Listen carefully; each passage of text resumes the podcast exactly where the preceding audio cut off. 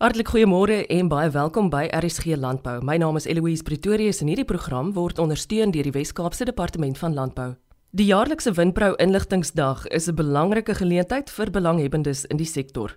'n Heerlike en insiggewende dag wat jy dalk self wil bywoon of jy nou in die wynbedryf is of nie. Windbrou bestuurshoof Rico Basson deel met ons besonderhede rondom hierdie geleentheid wat op 19 Januarie plaasvind. Ons hoor ook by hom wat dit is wat die Suid-Afrikaanse wynbedryf het wat geen ander land in die wêreld se net nie. Ja, ons is baie opgewonde om uh, weer die Netbank Windbrou Inligtingsdag aan te bied en is altyd 'n baie groot byeenkoms van omtrent 6-700 mense van reg oor die wynbedryf en ook uh, ander belangegroepe En ek dink die groot opgewondenheid is dat ons na COVID en en al die verskillende uitdagings weer fisies bymekaar kan kom in die Kaapse konferensiesentrum.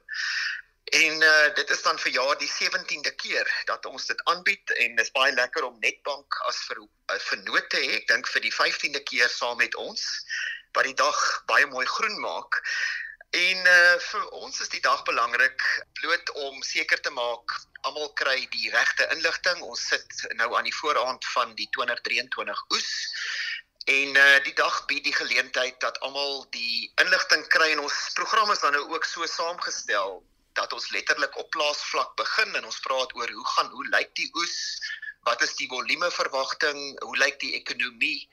En wat is die groter bedryf inisiatiewe en ook dan nou die die pad om volhoubaarheid te verseker.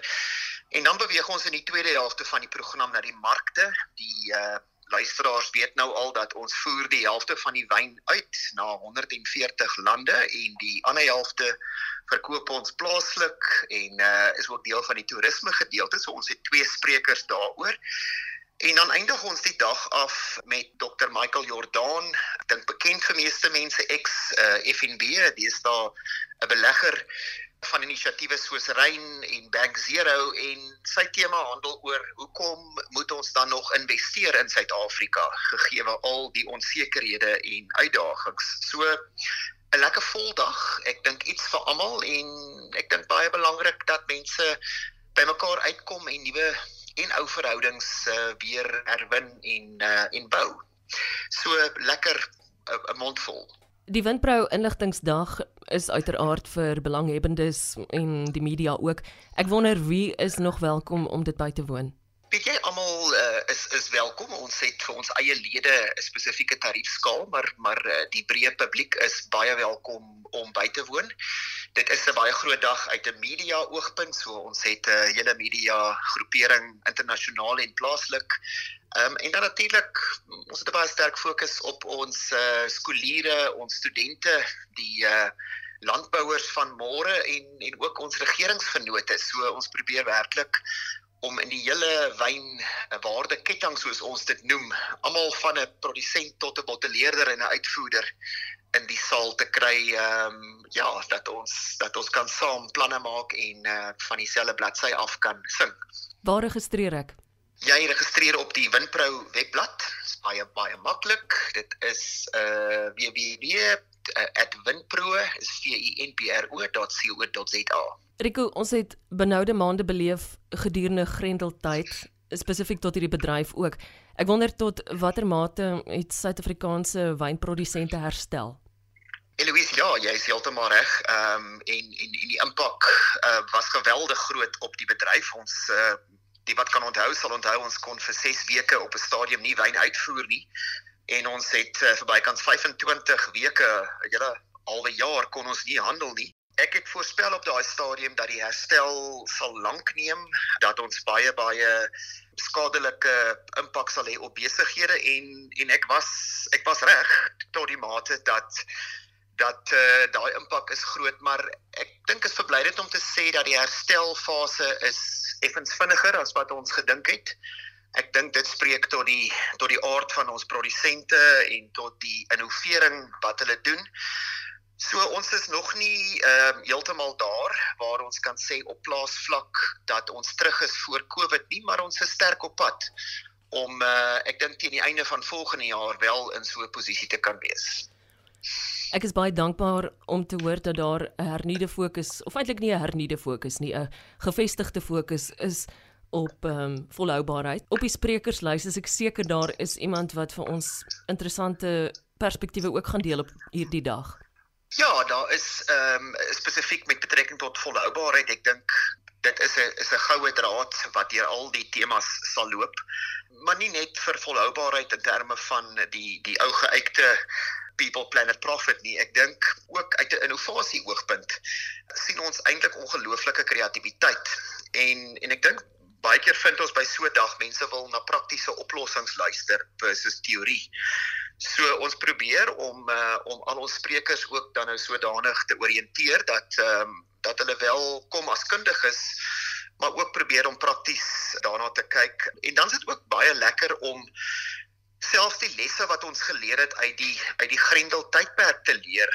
As ons nou terugkyk, Eloise het ons in daai periode het die bedryf kon nie verkoop nie en ons het geweldige voorraad opgebou wat 'n groot uitdaging was. En een van die kreatiewe lesse inisiatiewe wat ons geleer het is ons het gaan kyk waar kan ons surplus wyn dan nou wel verkoop en het toe gegaan met 'n aansoek na die minister van landbou en uh, ons het haar oortuig dat ons voortaan ook wyn as deel van die cider formule kan gebruik. So tradisioneel kan jy cider net maak van appelkonsentraat en peerkonsentraat 25%. Maar voortaan kan ons ook wyn in die plek van daai peer konsentraat insit. So jy mag dalk tong in die kies 'n Sauvignon Blanc cider drankie in die toekoms geniet sonder dat jy weet daarvan. Maar dis die tipe kreatiwiteit wat 'n krisis bring en um, ek dink um, dit spreek tot die aard van die bedryf en hoe hy wel hierdie uitdagings oorkom. Wat omtrent die Suid-Afrikaanse wynbedryf stem jou optimisties op hierdie oomblik? Weet jy, ek dink die krisis het ons laat herbesin en en het het samewerking oor 'n baie baie front veroorsaak.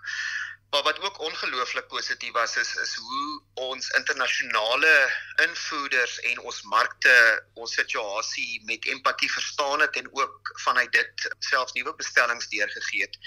So ek is baie opgewonde oor die potensiaal.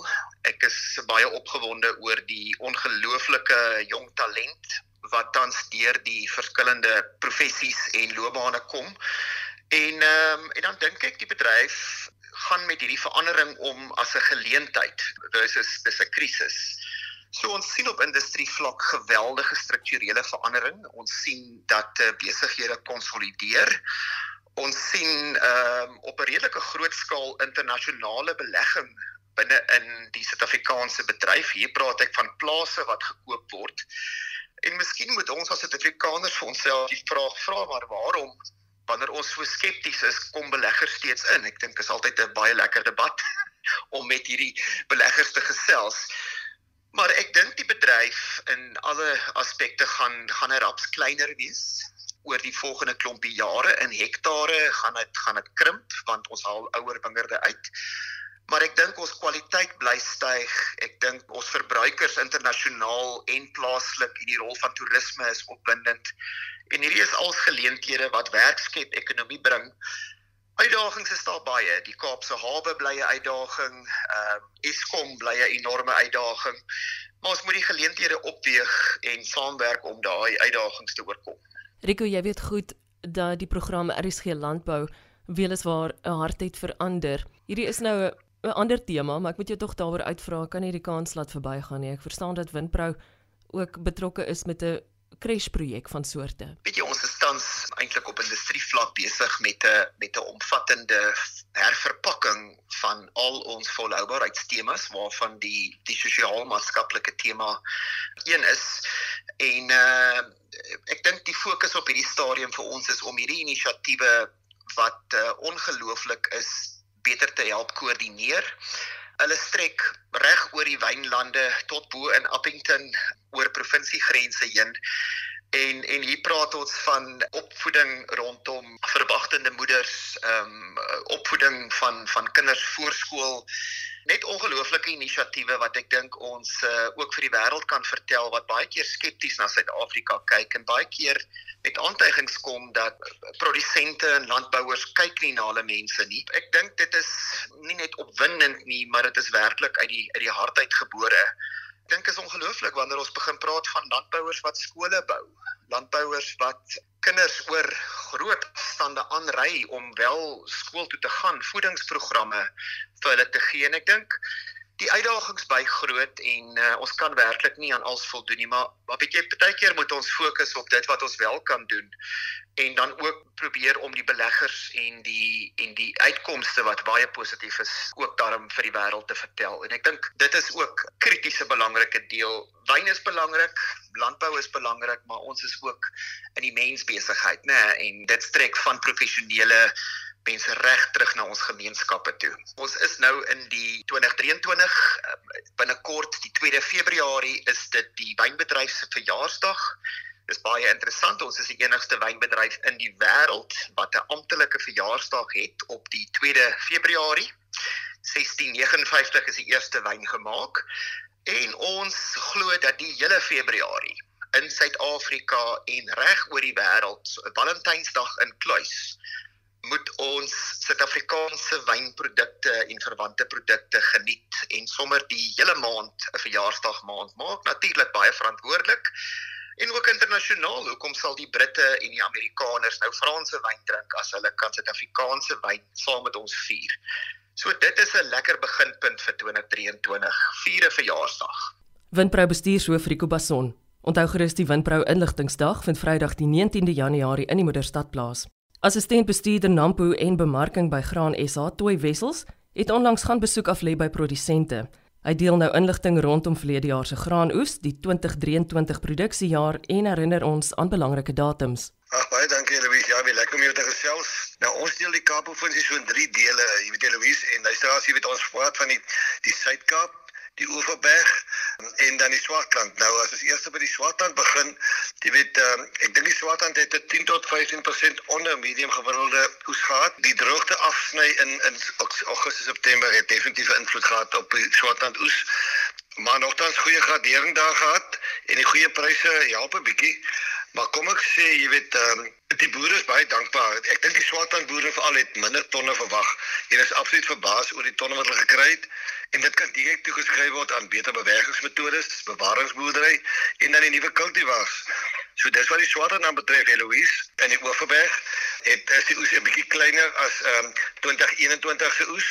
So uh, jy weet die 2022 oes se uh, Oeverberg grade was net gemiddeld, nie so baie super soos in die Swartland nie. Die gasoes was ook 'n bietjie swakker as verwag word in baie ondergemiddelde grade. Uh so ek dink in die in die Oeverberg so gemiddelde oes in die Suid-Kaap dat daar ook 'n gemiddelde opbrengs gelewer is in die 2022 oesjaar. Die proteïne van die koring was bietjie laag. Daar moet 'n bietjie met gehalte gesukkel. Die gas het beter gedoen in die Suid-Kaap. As ons by die canola kom, is ons regtig verbaas oor die getal canola wat ontvang is. Ons gaan byna 200 000 ton in die 2022 oes ingesamel het.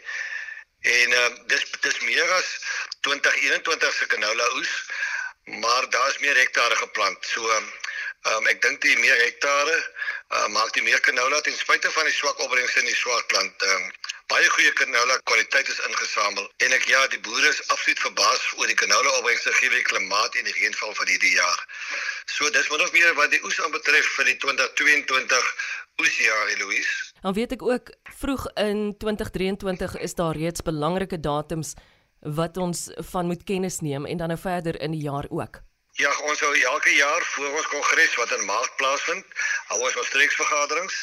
In 2023 gaan die anderste wees nie so die vir die Suid Suid-Kaap uh, streek is op die 23ste Januarie op die plaas Kweekraal, dis tussen Heidelberg en Riversal geleë, gaan die 23ste wees.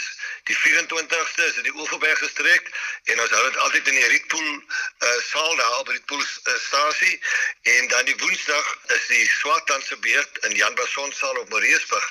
En ons gaan praat spesifiek oor insetkoste, die volhoubaarheid van graanproduksie, die bemarking van graan en en wie dis ook die kans dat ons lede uitnooi om te sê kom sê vir Graan SA waaroor moet julle vir ons werk. Waaraan moet julle werk vir die jaar wat voorlê?